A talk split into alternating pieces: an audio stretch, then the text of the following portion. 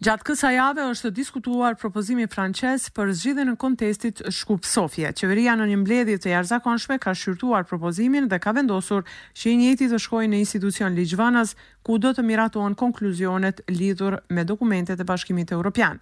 Propozimi francez ka zgjuar mllef të jashtëzakonshëm tek VMRO-DPMNE dhe simpatizantët e kësaj partie opozitare dhe pas deklaratave nga ambasada amerikane të cilët kanë propozuar të pranohet propozimi, pas deklaratave të ministrit të Punëve të Jashtme Bujar Osmani i cili shpjegon se gjuha dhe identiteti maqedon nuk rrezikohen, Edhe një herë kryeministri Kovaçevski ka shpjeguar rëndësinë e këtij propozimi që zgjidh apo është hapi i parë në zgjidhjen e kontestit Sofje-Shkup. Për më tepër ndjekim deklaratën. Lehtë është të refuzojmë, të vonojmë, të zgjedhim pasiguri të re, por në këtë moment historik kemi nevojë për mendim racional me kokë të ftohtë, duke u kujdesur për ardhmërinë e fëmijëve tanë. Në të kundërtën, Hristijan Mickoski nga VMRO-DPMNE ka kërkuar me ngulm heqjen dorë nga Ky propozim. Për më tepër ndjekim deklaratën. Sa më treva dhe gotë bjella. Unë i ofrova Kovaçevskit që të dalë dhe të refuzojë këtë që është paraqitur si propozim dhe unë të tërhiqem nga kërkesa për zgjedhjet e parakohshme parlamentare. T'i vendos të gjitha kapacitetet e VMRO-DPMNE-së, institucionalisht dhe të ndihmojmë qeverinë në tejkalimin e sfidave që do të dalin para nesh në këtë dimër. Analistët vlerësojnë se forcat pro-ruse janë vënë në shërbim të prishjes së stabilitetit, Nuk mungojnë edhe thirrjet e vazhdueshme dhe nacionaliste kundër shqiptarëve. Tash e disa ditë protestat kanë qenë me pasoja fatale në njerëz dhe sot janë bllokuar katër nga qytetet kryesore të Maqedonisë së Veriut. Ministria e Punëve të Brendshme të Maqedonisë ka dhënë këtë sqarim.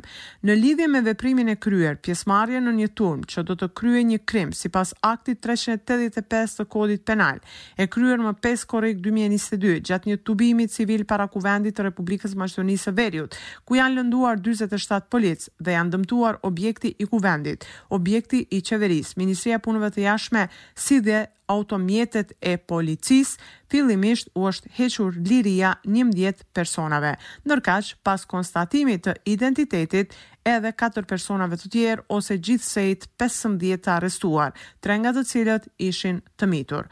Punonjësit e Njësisë Kundër Krimit të Dhunshëm, pas ndërmarrjes së masave dhe veprimeve në procedurë të shpejtë kanë ngritur kallëzime penale ndaj dymbëdhjetë personave. Të raportuarit gjatë mbrëmjes janë sjellë para gjyqtarit për procedurë paraprake me të cilën një person i është caktuar masa e paraburgimit, ndërkaq shtatë personave të tjerë arrest shtëpiak, thuhet në njoftimin e Ministrisë së Punëve të Brendshme. Protestat e thirrura nga partia opozitare VMRO dhe e majta që disa net radhazi shkaktojnë tensione dhe shkatërrime të pronave private dhe publike. Ngjarjet e konflikteve quhen inskenime të pushtetit, ndërkaq protestat kanë paralajmëruar se do të mbahen deri në ndryshimin final të dokumentit dhe propozimit francez. Aleanca për shqiptarët, Të hënën pritet të vendosë për shkëputjen zyrtare nga koalicioni me VMRO-DPMNE-në dhe Danela Arsovskan, duke dhënë dorëheqje nga çdo post që gëzojnë në kuadër të pushtetit lokal. Aleanca për Shqiptarët bëjnë të ditur se një qëndrim për dorëheqje do ta marrin njëzëri. Largimi i këshilltarit të Aleancës për Shqiptarët nga koalicioni në qytetin e Shkupit nuk i rrezikon shumicën Danela Arsovskës nga VMRO të cilët deri tani gëzojnë shumicë prej njëzet e katër këshilltarësh nga dyzet e pesë sa janë në përgjithësi.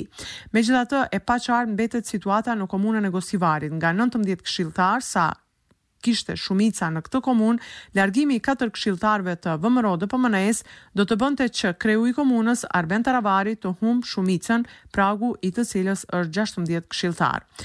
Taravari ishte i pakapshëm për të komentuar nëse pas prishjes së koalicionit me VMRO-DPMNE-në planifikon shumicë me ndonjë subjekt tjetër i cili përfaqësohet në Këshill.